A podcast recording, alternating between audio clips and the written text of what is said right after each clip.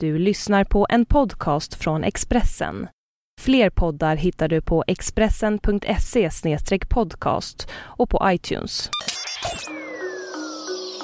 Det här är Expressen Dokument, ett fördjupningsreportage om att sajten kopplas ihop med flera självmord av Jenny Modin, som jag, Johan Bengtsson, läser upp. Igår dömdes två tonårsflickor till ungdomsvård, ungdomstjänst och dryga böter i det uppmärksammade Instagrammålet. Men debatten om nätmobbning är inte över. Tvärtom väcks nu kritik mot en ny sajt för unga. På ask.fm, som på kort tid fått över 50 miljoner användare, kan man ställa anonyma frågor till varann. Något som i vissa fall urartat till rena trakasserier. Nu kopplas mobbningen på Ask ihop med flera unga som tagit sina liv i Storbritannien, USA och Kanada.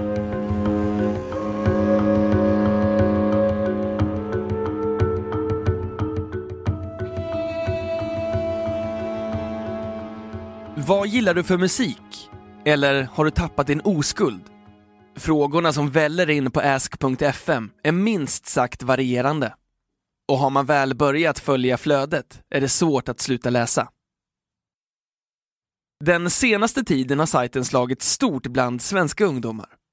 Ask.fm grundades av fem killar i Lettland för tre år sedan och idag har den över 50 miljoner användare världen över.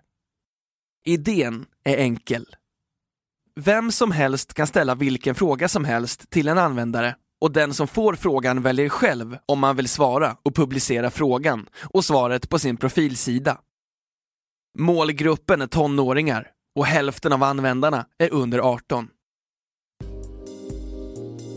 Hanna, 14 år från Gällivare, öppnade sitt konto efter att en kompis berättat om sidan.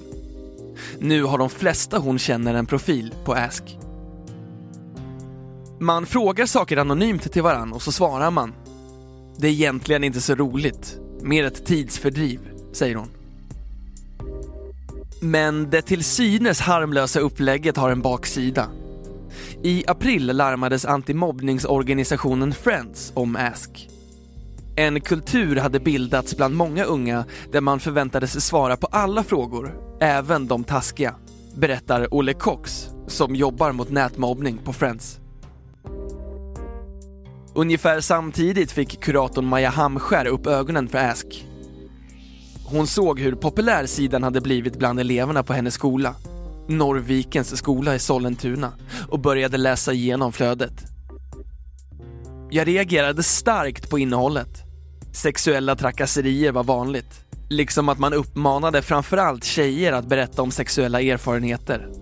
Det var frågor som “Varför bantar du inte?” och mycket ryktesspridning säger Maja Hamskär. Flera elever hade blivit utsatta för allvarliga kränkningar och allt fanns samlat på sajten. Rösten är lågmäld men samlad. Kvinnan vill inte visa sitt ansikte eller säga vad hon heter. Men hon ställer upp för att berätta om mobbningen som hon menar dödade hennes syskonbarn, Kiera, 15 år. Hon fick kommentarer som “vad fet och ful du är” När hon sa att hon kände sig nere skrev någon “ta ditt liv då”, säger kvinnan i en intervju med brittiska BBC.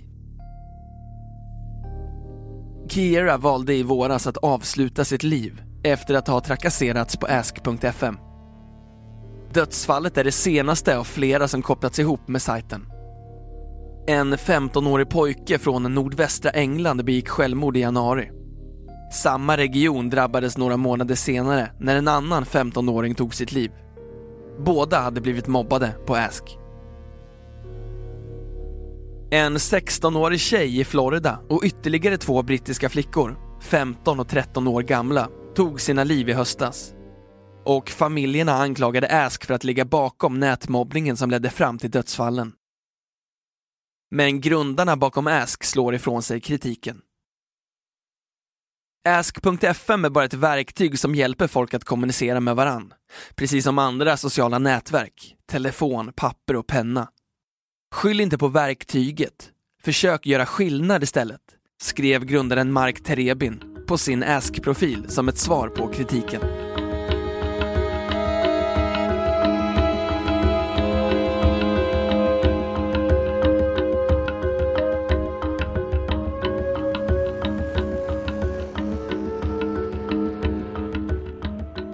Ask har moderatorer som övervakar så att inga övergrepp sker. Men det är svårt att kontrollera allt. Varje dag kommer 30 miljoner nya frågor och svar på sajten, säger Marks bror, Ilja Terebin, i en intervju med Arctic Startup. Kuratorn Maja Hamskär menar att anonymiteten på forumet innebär en risk. Det gör att man kan skriva kränkningar som man inte behöver ta ansvar för. Den som får många taskiga frågor kan omöjligt veta om de kommer från en person eller 30 olika. Det kan vara väldigt tungt för en enskild att bära, säger Maja Hamskär. Elsa Dunkels, forskare på Umeå universitet och expert på ungas beteende på nätet, tycker dock att man ska vara försiktig med att peka ut Ask som enda orsak bakom självmorden. Hon har nyss skrivit klart en rapport om nätmobbning åt Skolverket som presenteras i augusti. I den konstaterar jag att offer och förövare i de flesta fall redan känner varann. De spelar i samma lag eller går i samma klass och det är där mobbningen har börjat för att sen förstärkas på nätet. Därför är det ganska orimligt att tänka sig att Ask är den enda orsaken bakom självmorden. Det måste finnas något mer bakom, säger Elsa Dunkels. I Gällivare har Hanna just svarat på kommentaren “Så fin du är”. Ask har blivit ett vanligt samtalsämne bland hennes kompisar. Man snackar om de taskiga frågorna och försöker klura ut vem som skrev dem, säger hon. Konflikter uppstår hela tiden. Många hon känner har stängt ner sin sida och ett tag loggade Hanna också ut. Nu har hon aktiverat sin profil igen, men väljer att inte svara på de elaka frågorna. Varför skulle jag göra det? Det är onödigt, säger hon. I Sverige har nätmobbning kommit upp på agendan den senaste tiden. Hundratals upprörda ungdomar protesterade i vintras mot att unga i Göteborgsområdet hängdes ut som slampor på mobilappen Instagram. Igår dömdes två flickor, 15 och 16 år, för grovt förtal till ungdomsvård respektive ungdomstjänst. De ska också betala sammanlagt 570 000 kronor i skadestånd till de 38 målsägandena. I mars tog en 13-årig flicka från Kumla sitt liv. Några månader tidigare hade hon lagt upp en video där hon berättade att hon mobbats på nätet. Dödsfallet kopplades senare ihop med en 44-årig man som misstänks ha utnyttjat 13-åringen och andra flickor sexuellt på nätet. Familjen till den 16-åriga flickan i Florida som tog sitt liv har startat ett nätuppror för att få ask.fm stängt. Samtidigt har en advokat i den amerikanska delstaten Maryland uppmanat annonsörer att bojkotta Ask. Men att stänga ner sajten löser inte problemen, tror Elsa Dunkels. Vi vuxna måste istället bli mycket bättre på att prata med ungdomarna om vad som ligger bakom trakasserierna och lära dem att säga ifrån, säger hon. Kuratorn Maja Hamskär håller med om att förbud är fel väg att gå på Norrvikens skola tog ledningen istället upp problemet till diskussion med eleverna. Vi ligger hela tiden flera steg efter när det gäller vilka sajter ungdomarna hänger på.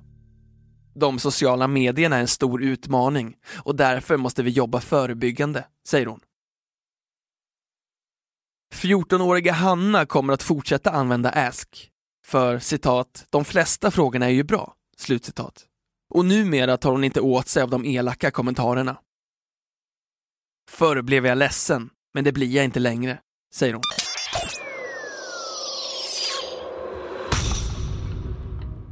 Du har hört Expressen Dokument om att sajten ask.fm kopplas ihop med flera självmord av Jenny Modin som jag, Johan Bengtsson, har läst upp.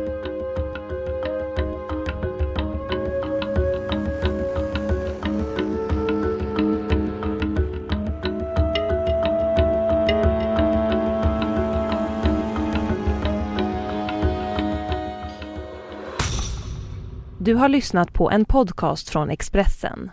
Ansvarig utgivare är Thomas Mattsson. Fler poddar finns på Expressen.se och på iTunes. Ett poddtips från Podplay. I fallen jag aldrig glömmer djupdyker Hasse Aro i arbetet bakom några av Sveriges mest uppseendeväckande brottsutredningar går vi in med hemlig telefonavlyssning och, och då upplever vi att vi får en total förändring av hans beteende. Vad är det som händer nu? Vem är det som läcker? Och så säger han att jag är kriminell, jag har varit kriminell i hela mitt liv men att mörda ett barn, där går min gräns. Nya säsongen av Fallen jag aldrig glömmer på Podplay.